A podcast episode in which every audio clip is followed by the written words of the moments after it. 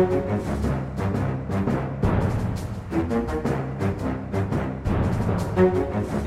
Nei, men Da er vi i gang med en eh, liten påskerunde med Aftenpodden USA, får vi kalle det. Eh, Vi er jo eh, i hjemmekontor-solskinnet og ønsker velkommen Øystein Langberg, USA-korrespondent, men hjemme nå fra, fra USA pga. koronaen, Ja. åpenbart, og ute av, eh, ute av karantenen Ja. din. Og her hjemme er det ikke noe solskinn. Jeg har dratt for gardinene, jeg har hengt opp sånne der, eh, tepper i hele rommet her. Så det er helt mørkt for at denne lyden skal bli så bra som mulig. Jeg vet ikke om Du sitter kanskje i solskinn? Ja, jeg sitter i solskinn. Jeg har ikke jeg, er I den der, Hvis du ser det som en sånn koronabekymringsgreie, så er jeg litt sånn bekymringsfri, da. Så jeg har ikke Jeg får beklage hvis lyden min da ikke er like skarp og god og øm som det din er. Skal Eh, Fordi her er det faktisk eh, større vindusflater, og jeg sitter ikke under et teppe. Men under Nå veit jeg ikke om du er under en dyne av lydhensyn, eller hvordan det er, men Kristina Pletten, eh, kommentator og hjemvendt USA-korrespondent du også. Eh, Hvordan er hjemmekontoret i livet ditt? Jo, det er egentlig ganske likt det korrespondentlivet som jeg hadde. Eh, Bortsett fra Du lå alltid under jeg, dyna. Jeg sitter faktisk under dynen nå. Det er veldig varmt, men det Men det funker bra lydmessig, eh, har jeg sett før. Da. I podkast og journalistikken så, så er det jo nivåer av sånn beredskap og oppofrelse. Og da tenker jeg at det ene er å avbryte ferien eh, for å gjøre podkast. Det er det en, en lang tradisjon for, og veldig, veldig imponerende alltid. Skal ha heder og ære for. Og det neste nivået er å sette seg under en dyne og prate. Eventuelt inn i en kjempevarm bil, som jeg også har, eh, har erfart. Så det setter vi pris på. Men eh, vi tenkte vi måtte gå litt eh, inn i et par ting ved, ved den amerikanske folkehelsa.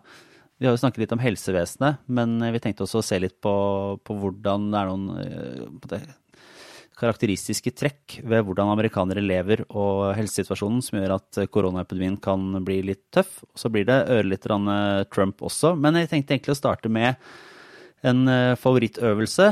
En, eh, en litt mediekritikk, skal vi kalle det, Kristina? Ja, det kan vi godt. Fordi du kom her med i vår lille sånn chat en, en brannfakkel om at du hadde gått og fyrt deg litt opp over ulike ting, egentlig. Ved, ved, ved, sånn generelt ved livet, da. Det er jo eh, Noe må man er gjøre sånn det går. karantene eller i isolat. Mm. Ja, men også om over hvordan eh, amerikanske medier har håndtert dette. Og vi har egentlig ikke snakka oss gjennom det her før, så jeg er bare sånn jeg er nysgjerrig på å høre hva, hva er det du har eh, reagert på, og, og hva tenker du på? Altså, generelt, da.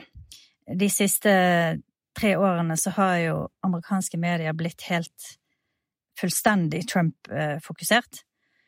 Eh, Så det handler veldig mye om Donald Trump, alt han gjør, alt han sier, eh, alt galt han gjør, alt riktig han gjør, eh, og så videre og så videre. Og så er det liksom metanivåer oppå det igjen. Og samtidig så har de blitt ekstremt introspektive, så det er veldig lite som trenger gjennom utenifra, syns jeg, i forhold til sånn som jeg husker det fra ti år siden eller 20 år siden.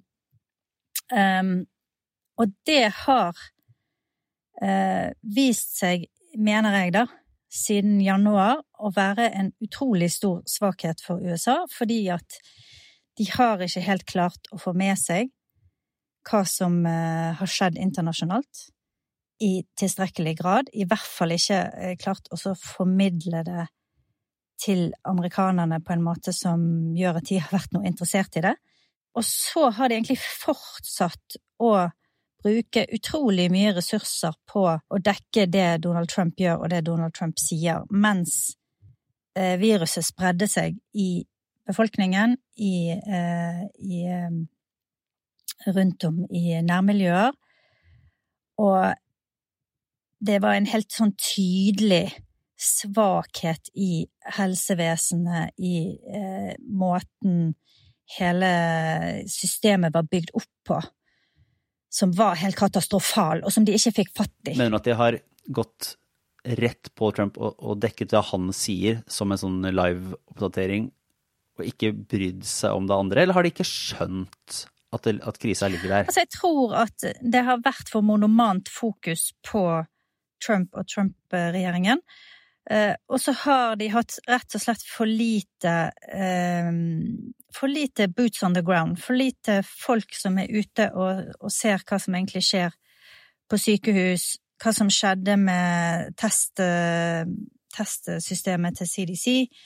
Eh, hvordan dette her bredde seg ut før det liksom Før de sto til halsen i det, da. Da begynte Ja. liksom Mm. Da våknet pressen opp. Eh, men fortsatt så er det jo veldig mye av dekningen som handler om Trump. Og, det er helt vanvittig, og jeg tenker at det er Det, det avslører liksom hvor forkvaklet hele liksom, offentlig oppmerksomheten har blitt, da. Og så er det et veldig hederlig eksempel, faktisk, og det er Wall Street Journal som har dekket det ganske tett uh, fra ganske tidlig. Og, og vært en sånn outlier i, i, i det, det større bildet, da. Og dette er jo min mening, da, men, men Ja, ja. Ja, og du er jo kommentator, så det er jo nå Du må bare fyre løs med meninger nå. Jeg vet men ikke, det- det- Øystein, om du har en helt annen jeg, oppfatning? jeg, kan ikke, jeg har jo ingen, ingen, ingen meninger, men selvfølgelig. Men, men, men, men det, det, alle, det alle er enige om, eller det som jo helt åpenbart, er at dette viruset spredde seg ganske lenge uten at det ble oppdaget. Det ble Altså, det spredde seg til New York, på en måte. Det var veldig mye fokus på det som skjedde i Washington, på det eldresenteret. Men da, under radaren, så har dette viruset spredt seg over hele USA, og man har fanget opp altfor sent. Og selvfølgelig har Trump en del av skylda. Men jeg, du har helt sikkert rett i at mediene kunne spilt en rolle i å finne ut hva som skjedde på bakken, at folk ble syke, eh, kunne gjort vanlig journalistikk på det, da, i stedet bare for å fokusere på, på altså, presidenten og hva dette betyr for gjenvalg og hele den pakka der. For det er litt sånn rart eh, når man ser det herfra, eh, og det, det er at man har fulgt Donald Trump, og det er jo fordi man har et europeisk ståsted, og det begynte man var jo, var jo, skal ikke påstå å ha vært så fryktelig tidlig ute sjøl heller med å skjønne hvor alvorlig det her var. Altså, jeg har stilt eh, spørsmål ganske, ganske lenge og har, eh, kan, kan stå opp for den, men, men at oppfattelsen av hvordan man ser på det som har skjedd i USA, har vært litt sånn OK, Donald Trump det blir litt sånn fascinerende eller litt sånn skremmende å se, bare liksom vente på at vir virkeligheten skal eh, gå opp for Donald Trump, da. Man, man ser liksom, har sett at ok, han, hvor lenge kan han påstå at dette ikke er noe? Man blir litt sånn, eh, det er jo litt sånn der Joe Exotic eh, freakshow over, over den der katastrofen som liksom lurer i bakgrunnen. Og jeg kan jo forstå at det er veldig mye lettere å dekke det enn å dekke dokumentere hvordan det faktisk skjer, og hva som, hva som er på, i de små samfunnene og bakkene. Men, men er det sånn å forstå egentlig at man kunne ha sett at veldig mange var koronasyke før det ble en så stor sak? Eller, altså, det, tror, man det, tror du det ville vært mulig? Altså, det jeg tenker da, er at eh, du, vi, du hadde jo eh, eksempler som gikk i forkant. Sant? Du hadde Italia, du hadde Kina, Sør-Korea, flere andre land der dette startet eh, og utviklet seg på en annen måte. Eh, den kunnskapen eh, ble ikke formidlet videre i tilstrekkelig grad. Det var ikke nok oppmerksomhet om det, og det er det nesten ikke i USA nå. Det er ikke noe interesse for noe av det som skjer utenfor landets grenser.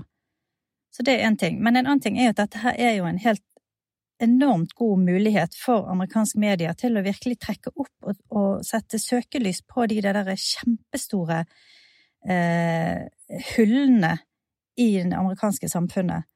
Eh, blant annet eh, helsevesenet, ikke sant? At, at, folk ikke At folk ikke eh, har tilgang til lege, eller ikke går til lege fordi de ikke har råd til det. Um, at det fins masse, masse hjemløse som ikke bare et problem for seg sjøl, men er et problem for samfunnet rundt seg, blant annet fordi at de sprer smitte, ikke sant? Um, og det vi skal snakke om seinere, altså hva slags helsetilstand er egentlig disse menneskene eller denne befolkningen i? Så det er en enorm sånn opportunity lost, etter min mening, der mediene virkelig kunne gått inn og gjort en jobb. Men hvis du ser på Bare jeg en, ja. ett lite poeng, så skal jeg Mhm. sitte Ja. men eh, hvis du ser på for eksempel disse nyhetskanalene, da, CNN, eh, MSNBC, Fox News, så er de utrolig lite ute og lager reportasje. Eller de har bare sånne talking heads som sitter og snakker. Uansett hva det handler om, så er det liksom noen eksperter og litt sånn eh, de samme trynene, da, som sitter og mener om ditt og mener om datt. Og så har de samarbeid selvfølgelig med noen lokale stasjoner som de henter inn av og til hvis det er en skoleskyting eller et eller annet sånt. Men det er eh, veldig lite impulser fra utsiden, og det tror jeg rett og slett USA blir straffet for nå.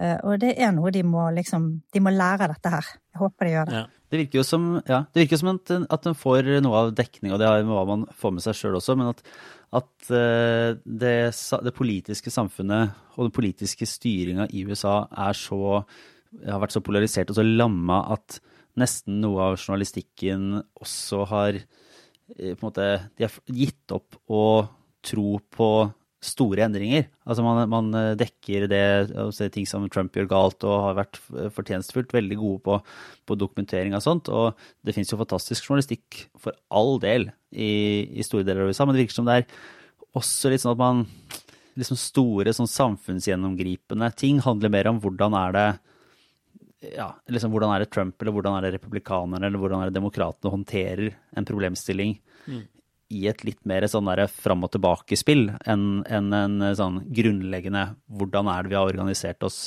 i det store?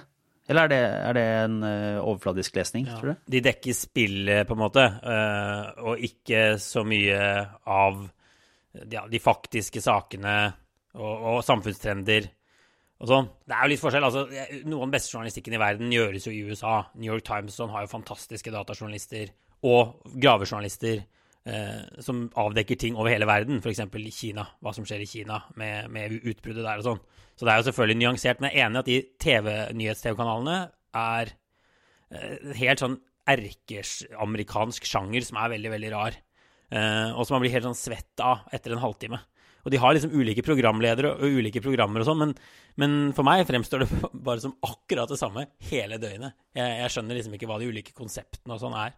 Men, men vi kan jo Det kan at jeg ble, ja, det kan bare si, at jeg ble fanga i en litt sånn for mediekritisk eh, analyse, egentlig. At det handler vel så mye om at politikerne på veldig mange nivåer ser ut til å eh, på en måte ende opp med å kunne forsvare nær sagt hva som helst. Ja, at de blir så opptatt av, av eh, valgresultater, av, av liksom polariserte politiske fiendskap, at, at det ser ut at man ikke klarer å helt finne løsninger selv der poenger blir påpekt. Altså man ender opp med eh, store liksom, avsløringer om hvordan ting ikke har fungert, og så blir uh, opprydninga borte i eh, sånn politisk spill og skittkasting. Men det, det kan at jeg er for Jeg ser jo det her fra Norge, og har, skal ikke påstå å ha et sånn super, super inngående kjennskap til denne liksom, konsekvensjournalistikken. Så det er mulig at det at den analysen egentlig ikke holder, altså. Men bare for å plukke opp igjen tråden om det du sa om eksempel New York Times, ja, det er helt riktig det at de lager eh, fantastiske ting ofte. Eh, de har laget en fantastisk eh, prosjekt om eh, slaveriet, for eksempel, amerikansk historie. De har laget fantastiske prosjekt om IS og kalifatet. De, de gjør ting som nesten ingen andre har ressurser til. Men allikevel så tenker jeg at det er noe sånn der i det mer liksom pedantiske, det, det hverdagslige, da, i samfunnet, som ikke blir tilstrekkelig plukket opp og løftet opp i nok grad da, til at folk oppfatter hva som skjer. Og det handler kanskje litt også om at uh, hvis du leser New York Times, for eksempel, på nett, så er jo det de sakene som blir frontet og løftet opp høyest. Uh, det, det er jo en, en viss profil på, ikke sant? Så du må ganske langt ned for å finne mer lokale reportasjer og sånne ting. Men jeg, altså, jeg syns likevel Nå har det kommet etter hvert et par, to-tre saker som jeg har sett, i hvert fall, om at folk har dødd i ganske lang tid uten at det har blitt registrert. At de faktisk har vært syke av koronaviruset. Nå begynner de liksom å rulle opp i det. Mm. Og dette skjedde i februar. Og det, og det eneste de egentlig har trengt å gjøre, var å ringe rundt og snakke med sykehus og sykehjem og de som lager dødsattester i forskjellige counties og sånne ting, da. Og så tegner det seg et bilde her av at hallo, her har det dødd utrolig mange flere mennesker enn vi visste, lenge før vi visste. Ja, det er fordi man går tilbake og ser at eh, ok, du, det døde noen eh, mennesker eh, ja, for flere uker siden som man ikke ja. registrerte eller tenkte på da, eller skrev opp da som et Altså. BuzzFeed hadde den saken, i hvert fall den første saken jeg så om dette, var i BuzzFeed for kanskje en uke eller to siden. Så hadde New York Times nå en sak i helgen. Men det er jo ikke noe sånn flashy journalistikk, ikke sant? Det er jo ikke noe kanskje så du vinner Pulitzer-priser, jeg vet ikke. Men eh, det er veldig enkelt, og det er sånne ting som burde vært løftet mye mer opp da, nå i denne situasjonen, etter min mening. Ja, akkurat det med dødstallene er jo, det er jo en, en, sak i mange land, og det er jo også Washington Post hadde en god sak om, om at disse dødstallene i USA antageligvis er underrapportert. Altså, Hvis vi skal komme med eh, noe som jeg tror kommer til å skje utover våren, er jo at det kommer til å bli en enorm politisk kamp om hva disse dødstallene er. Eh, det kan godt hende det blir en av de store kampene til høsten òg. Eh, for det kommer det ikke til å finnes noen fasit på. Og så kommer det til å gjøres estimater og anslag som kanskje viser at dødstallene er vesentlig høyere. Eh, og så har selvfølgelig Trump alt å tjene på at dødstallene er så lave som mulig. Og det kan bli ganske, ganske rått. Og fasiten kommer helt sikkert aldri. Nei, det er sant. Mm. Hvis vi skal gå litt videre til, til, det vi annonserte også i starten her, som liksom den amerikanske folkehelsa så har vi vært innom litt sånn helsevesen tidligere, men, men, nå begynner det å tegne seg enda tydeligere bilde av, av, hva slags utfall det her kan få. Nå har jo også Donald Trump, som vi har vært, vært så vidt innom, har jo nå på en måte gått ut og sagt at det her kommer til å kreve var det minst, fort gjort minst 100 000 liv. Og det regnes vel som et ganske som et sånn mer eller mindre konservativt estimat, egentlig.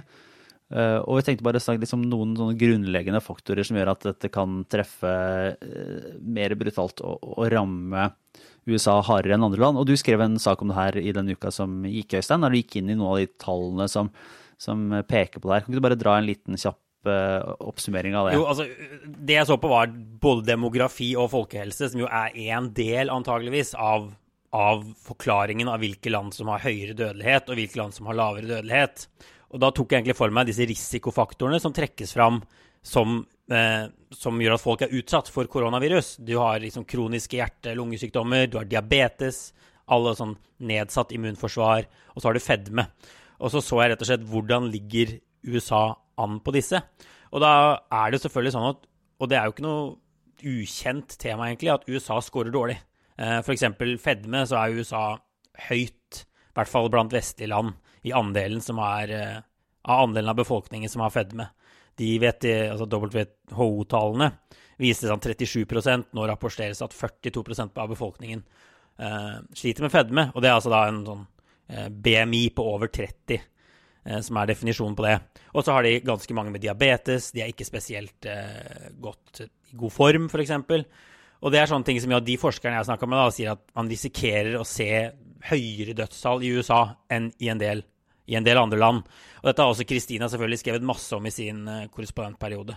Uh, den dårlige helsa og alle utfordringene der. Ja, for der er det noen eh, ting som du også har vært ute og rapportert om og, og sett på som, som dreier seg både om, om, kosthold, men også om medisinbruk og en del sånne forhold, er ikke det, Kristina? Jo da, det er egentlig noe jeg har, har, skrevet om i mange år og vært opptatt av i mange år. for det at Eh, det, jeg syns det har vært en sånn, litt sånn underkommunisert del av denne debatten om helse i USA, da, som, som går veldig mye på penger og tilgjengelighet til, eh, til uh, behandling og sånne ting. Men hvis du ser på uh, for eksempel muligheten til å kunne gå seg en tur, eller gå til butikken, eller eh, muligheten til å puste inn frisk luft, eller drikke rent vann, eller spise mat som er mm, noenlunde sunn, da, så stiller eh, veldig mange amerikanere så utrolig dårlig. Jeg så en sånn, eh, bare en enkelt setning i en sak som jeg leste denne uken som handlet om, eh, egentlig om New York og skolestenginger og sånn, så sto det det at 114 000 barn i New York er hjemløse og er avhengig mm. av eh, mat på skolen for å, for å få et ordentlig kosthold. Sånne ting er jo bare Det er så nitrist. Og, og, og liksom det store bildet her er jo, og det har også Kristina skrevet eh, bra om, er jo at, at, når man ser på forventet levealder, så har den tikket oppover ikke sant, i århundrer. Man, man lever lenger og lenger og lenger. Mm. Eh, men de siste ti årene så har USA sin forventede levealder stagnert fullstendig. Den har ikke økt i det hele tatt, den har faktisk falt litt. Og det er liksom et brudd med alle andre sammenlignbare land. Så i dag så er forventa levealder i USA 78,6 år, ifølge disse siste OECD-tallene.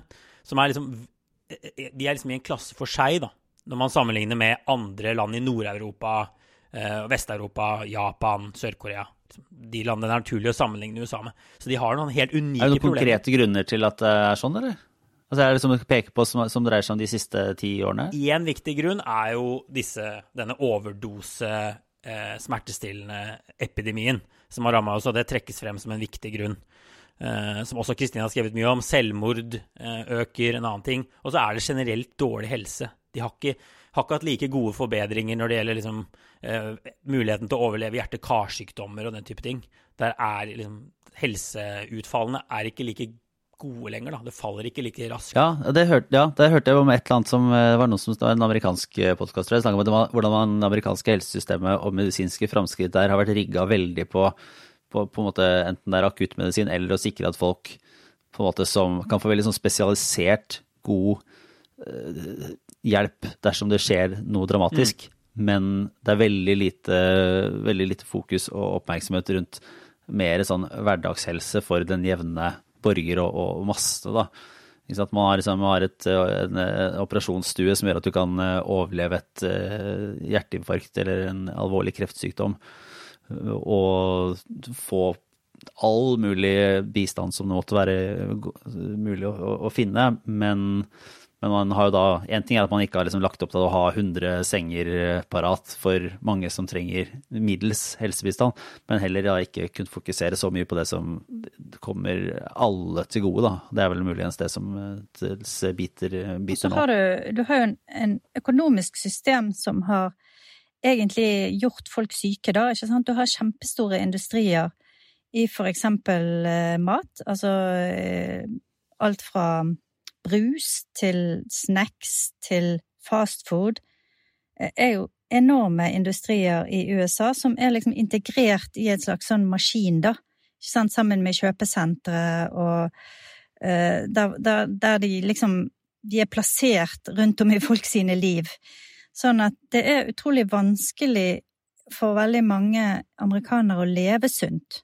Fordi at de lever i et samfunn i et system som er rigget, også økonomisk, for at de skal eh, spise veldig mye, kjøre mye bil, være passive, sitte hjemme og forbruke underholdning, ikke sant? Alle disse bransjene eh, er bærebjelker i den amerikanske økonomien, da.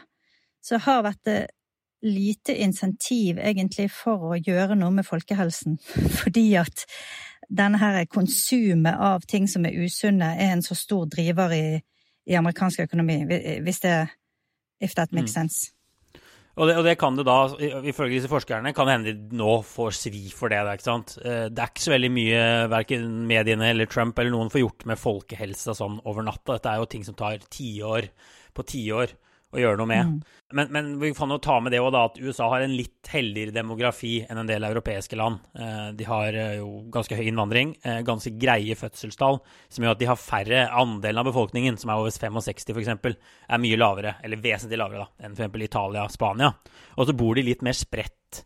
Så det er sånn som, så det er ikke sikkert at USA, når, når man skal regne på dette til slutt, at de, selv om de kanskje har dårligere folkehelse enn de fleste land i Europa, ender opp med flere døde. Og det har jo også noe med selvfølgelig hvor raskt det kommer medisiner, vaksiner, eh, alle disse andre tiltakene som gjøres, da. Så det er, det er, jo ingen som vet. Det er jo ingen som vet hvordan dette kommer til å gå til slutt. Eh, med USA. For det er så mange faktorer som spiller inn. Er det noe som tyder på at dette kan det gjelder jo egentlig i Norge òg, men, men siden det er et større problem i USA, så er det kanskje mer naturlig at debatten kommer der. Men at, at det vil føre til en, altså sånn et folkehelsegrep tas? Eller, eller ser du at det er en, det som så dypt i struktur og livsstil at det egentlig ikke går an å endre på noe vis? Og da tenker jeg mer på egentlig det sånn hverdags helsesammenheng Sukkeravgifter liksom, og, sukkeravgifter og ja, sykkelveier ja, ja. og ja, et, altså mer i den retningen enn at uh, altså, En ting er å reformere helsevesenet, da, det kan ligge litt så på sida, men at, men at uh, hverdagen eller livet på noe vis skal endres av det her. De har jo gjort, en, altså, de har gjort noen grep noen steder. For eksempel Oklahoma City hadde en ordfører som eh, fant ut at han skulle liksom slanke hele byen, da, etter at de ble kåret til, tror jeg, en av de ti feiteste i USA, eller et eller annet sånt. Uh, og, og, gjorde masse, og blant annet liksom, og, og, bygde ut gangveier og sykkelveier sånn at folk faktisk kunne bevege seg. Uh, som jeg tror er en veldig sånn stor uh, da. At det må være mulig å gå Mm. og bevege seg. Eh, og i New York og flere andre stater så har jo de klart å få innført sånn eh, kaloripåbud, sånn at det må stå hvor mye kalorier det er i, i, i maten. Og du kan jo få helt sjokk når du går inn på McDonald's og, sånt og ser hva som faktisk er i det, da.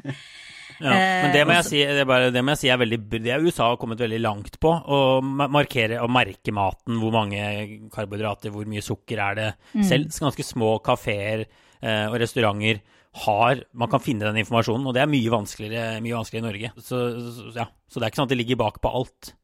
Nei, Eh, og, men det var jo en kamp, og, og Michelle Obama hadde jo dette som sin fanesak når hun var first lady, å prøve å få eh, folk til å spise mer grønnsaker og spise sunnere, og, og, og det var jo en enorm, et enormt raseri mot henne fra mange hold, da, fordi at eh, folk følte at liksom, det var et slags sånn kulturelt eh, angrep på det som var noe sånn veldig amerikansk, ikke sant? Skulle hun Ja, ja. og ta vekk eh, De skulle ikke få lov å spise ditt eller datt som eh, de alltid hadde spist, og så videre og så videre.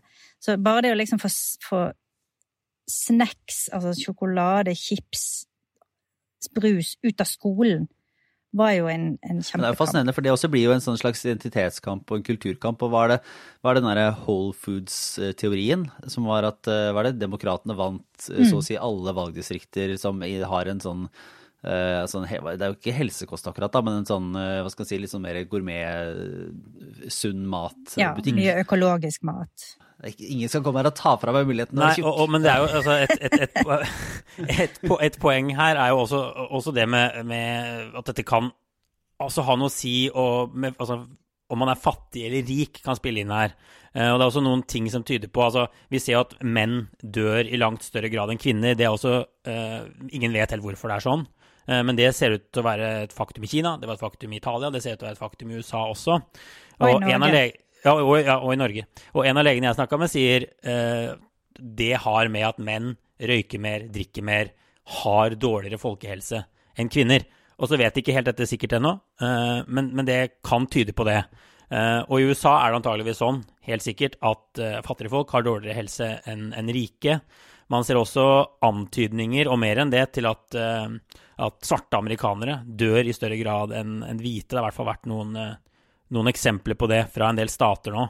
Så jeg tror dette kan potensielt sette i gang en ganske stor debatt i etterkant, hvis man ser sånne tydelige utslag, eh, og at helse spiller en så viktig rolle. Eh, ja. Mm. Jeg lurer på jeg skal gå videre. Er det noen som har noen eh, kjappe anbefalinger eller en liten obligatorisk refleksjon inn i resten av påsken? Eller hvordan, hvordan ser det ut for deg? Bare arbeid som står i huet? Jeg kan få komme med noe utrolig nerdy, kanskje. Veldig, veldig bra. Eh, Det tar vi imot. Jeg leser faktisk boken til han Janis Varoufakis, som eh, var finansminister i Hellas i en ganske kort Ja, periode, mm. og som En ganske vanskelig en periode. ganske vanskelig periode. Eh, og var jo en litt sånn spradebasse og en veldig sånn fargerik eh, karakter, da, i den korte perioden som han eh, var inne.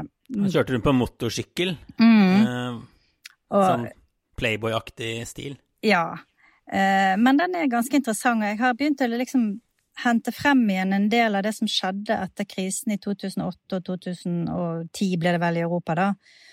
For å se litt på eh, hvordan Altså hvilke diskusjoner som kom i etterkant, og hvilke prosesser eh, som eh, utspant seg i økonomien, da. Eh, mellom land og i EU og også i USA. Hvordan de strukturerte disse krisepakkene så videre. Det, det er veldig nerdy, men i hvert fall den boken er ganske den er overraskende god og interessant og um, underholdende. Og den diskusjonen om Europa gjelder i Europa, og om Europa faktisk, altså om EU skal stille seg bak en slags felles gjeld, da, den kommer jo opp igjen nå. I det som de kaller for eurobonds, altså eh, om Spania eller Italia skal få lov å låne penger på en slags sånn europeisk rente, istedenfor å, å måtte bare låne på basis av sin egen eh, vaklende økonomi, da. Det er jo, Man kan jo trekke en linje til USA. Det er jo litt som om, US, om Europa skal, eller EU skal lage en form for sånn føderal gjeld, hvor EU Ja. sentralt eh, utskriver, utskriver gjeldspapirer, sånn som USA har. Der slipper Hver stat trenger ikke å ta opp sin egen, egen gjeld. De, de garanterer for det. Dette var en debatt i USA for noen hundre år siden. Og det er mange som tar til orde for det nå. Altså, eh, det som Varoufakis gjør veldig godt i den boken, er jo at han beskriver hvordan EU-landene, med Tyskland og Frankrike i spissen, da, eh, lånte penger til Hellas for å betale tilbake sine, for å redde sine egne banker. Fordi at Tyskland og franske, altså tyske og franske banker hadde lånt uansvarlig mye penger ut til de fattigste land i Europa, deriblant Hellas. Eh, og så egentlig, var Hellas egentlig i praksis konkurs, mener Varoufakis og mange andre med han. Eh, men istedenfor å la Hellas gå konkurs, så tvang de de da til å ta opp gjeld til en veldig høy rente, og så gikk alle de pengene tilbake til Frankrike og Tyskland. Ja, Så mer sånn gjeldsinndrivere egentlig enn eh, hva skal jeg si, barmhjertige Ja, hjelpere. altså det, det var jo egentlig utrolig skandaløst, eh, alt det som skjedde i etterkant av eurokrisen da, og hvordan disse landene ble presset i kne, spesielt Hellas, men også en del andre land. Det er jo et paradoks, et innebygd paradoks i dette eurosystemet, at eh, de ikke har noen felles pengepolitikk, men de har en felles valuta som gjør at du får disse problemene der, som kommer til å komme opp igjen nå. Um, men anyway, jeg, den, den er veldig god, den boken, så den, eh, den anbefaler jeg. Og hvis noen har den i Har han hyllen, skrevet den selv? frem Er han, har han liksom eh, Har han Playboy-stilen Ja i, det- i, Han er ekstremt uh, selvopptatt, og du må liksom se litt Du må liksom ikke irritere deg over hans uh, hans eh, grandiose tanker om deg selv, da. Seg selv, men, uh, men liksom se litt forbi det. Eh, Hvordan er det med deg, Øystein? Har du, i, i, Der du sitter i mørket? Altså, jeg, jeg har tenkt, tenkt litt Jeg driver og leser eh, boka til, til han Trevor Noah. Eller jeg leser den ikke, jeg hører den på lydbok. Eh, hans biografi, 'Born Ja. a Crime'. Og dette er da apropos syke historier fra virkeligheten. For jeg hørte du hadde sett Tiger King. Uh, Ja, det stemmer. så når man ser Tiger King for øvrig, så er, det ikke, så er man ikke så overraska at uh, forventa levealder i USA er noe lavere enn en i Europa. For der er det kort tid mellom uh, Kort mellom liv og død for alle til enhver tid. Uh, Trevor Noah har også hatt et helt sykt liv, faktisk. Han virker jo som en ganske sånn glatt komiker når man ser ham på TV nå på The Daily Show, da, som han har.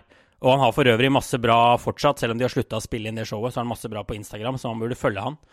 Men han vokste jo opp i, i Sør- Sør-Afrika og har opplevd så mye sjukt Uh, at det er bare Altså, han er jo ganske ung, men det er definitivt verdt å skrive en biografi om. Det er en sånn blanding av sånn hjerteskjærende, ras, altså rasistisk, eh, tidvis hylende morsomme episoder. Eh, da han var liten, så hoppa han ut av en taxiaktig buss i fart med moren fordi de var i ferd med å bli kidnappa, f.eks., av noen gærninger. Eh, og han forteller at også, de, de var jo kjempefattige, eh, de hadde ikke penger til, eh, til bensin på bilen. Så moren hans hun, hun slo alltid av motoren i alle veikryss. Så hun innførte sånn hybridbil lenge før det egentlig fantes. og av og til så måtte han dytte bilen til skolen fordi de ikke hadde noe mer bensin igjen. Han var sykt flau. Men han forteller på sånn måte som bare Ja, det er også veldig, veldig morsomt. Men, men, men, eh, eh, Kunne egentlig like gjerne bare gå? Eller? Ja, man skulle tro det, men jeg tror den liksom gikk tom for bensin. Men altså, det er så mange sånn, og han forteller på en sånn avslappa måte, men det er jo altså, Han har hatt det røft, det er det ingen tvil om. Men det er bare en av altså, USAs mest sentrale komikere nå, ikke sant, som, som bare har den, den bakgrunnen. Så det er bare en fascinerende bok. 'Born a Crime'. Han er jo da, han har jo hvit, hvit far eh, og svart mor, som jo heller ikke var greit da han ble født i Sør-Afrika. Ja. Jeg tenkte egentlig bare å avslutte med Det er vel en eh, betraktning eller en uh, liten oppdatering. Fordi amerikanerne vi har jo nå snakka om veldig mye de ikke får til, og veldig mye de roter seg borti og holder på. Men det er nå sånn, da, i denne sportsverdenen i hvert fall, så er det stadig opplegg og, som, som på en måte aldri løses eh, og fikses før amerikanerne går inn i det. Vi har en del sånn tidligere sånn dopingproblematikk, og vi har hatt en del eh, korrupsjon eh, i sportsverdenen, som eh, først avsløres og tas eh, ordentlig tak i når typisk FBI eller amerikanske myndigheter kommer inn og sier at ok, her har det skjedd et eller annet. Nå legger de muskler bak dette, og så får de det opp i dagen, da. Og nå er det i, i går, eh, altså mandag, hvis jeg klarer å holde styr på alle disse dagene, så ble det lagt fram en eh, dokumenter fra det amerikanske justisdepartementet og siktelser i forbindelse med tildelingene av fotball-VM i 2018 og 2022. Og de viser jo da hvordan noen av de gamle bossene, litt sånn mafiaaktig, har sittet og fått penger rett i lomma for å tildele eh, disse mesterskapene.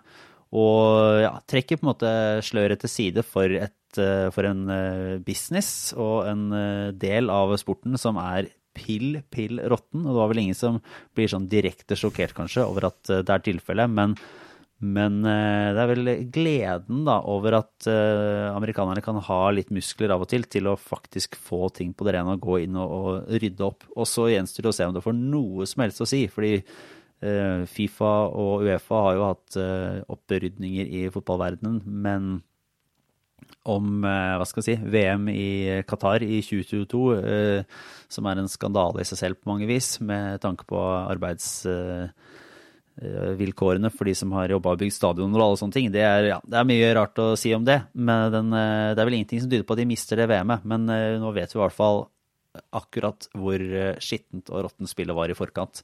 Så ja, en liten takk, takk til, til USA. amerikanske Det er bra etter en sånn episode ja. hvor det har vært trash, trashing fra en til annen. ja, de, de, får jo gjort noe, da, får vi si. Nei, men jeg tror vi kanskje runder av der, ja. Og så får vi nyte litt påske og jobbe litt. Og så ser vi om ikke vi får samla sammen Sara Sørheim og Trine Eilertsen og Kjetil Alstheim og meg, Lars Domnes, på torsdag, eller i hvert fall i etterkant av at regjeringen har kommet med eh, sine ytterligere planer for koronatiltak. Så vi, har, vi tillater oss en viss sånn påskefleks i når den utgaven kommer, men den eh, prøver vi å få til. Nei, men supert. Eh, takk for at dere var med. Så er vi snart tilbake. Det var Aftenpodden. Ha det bra.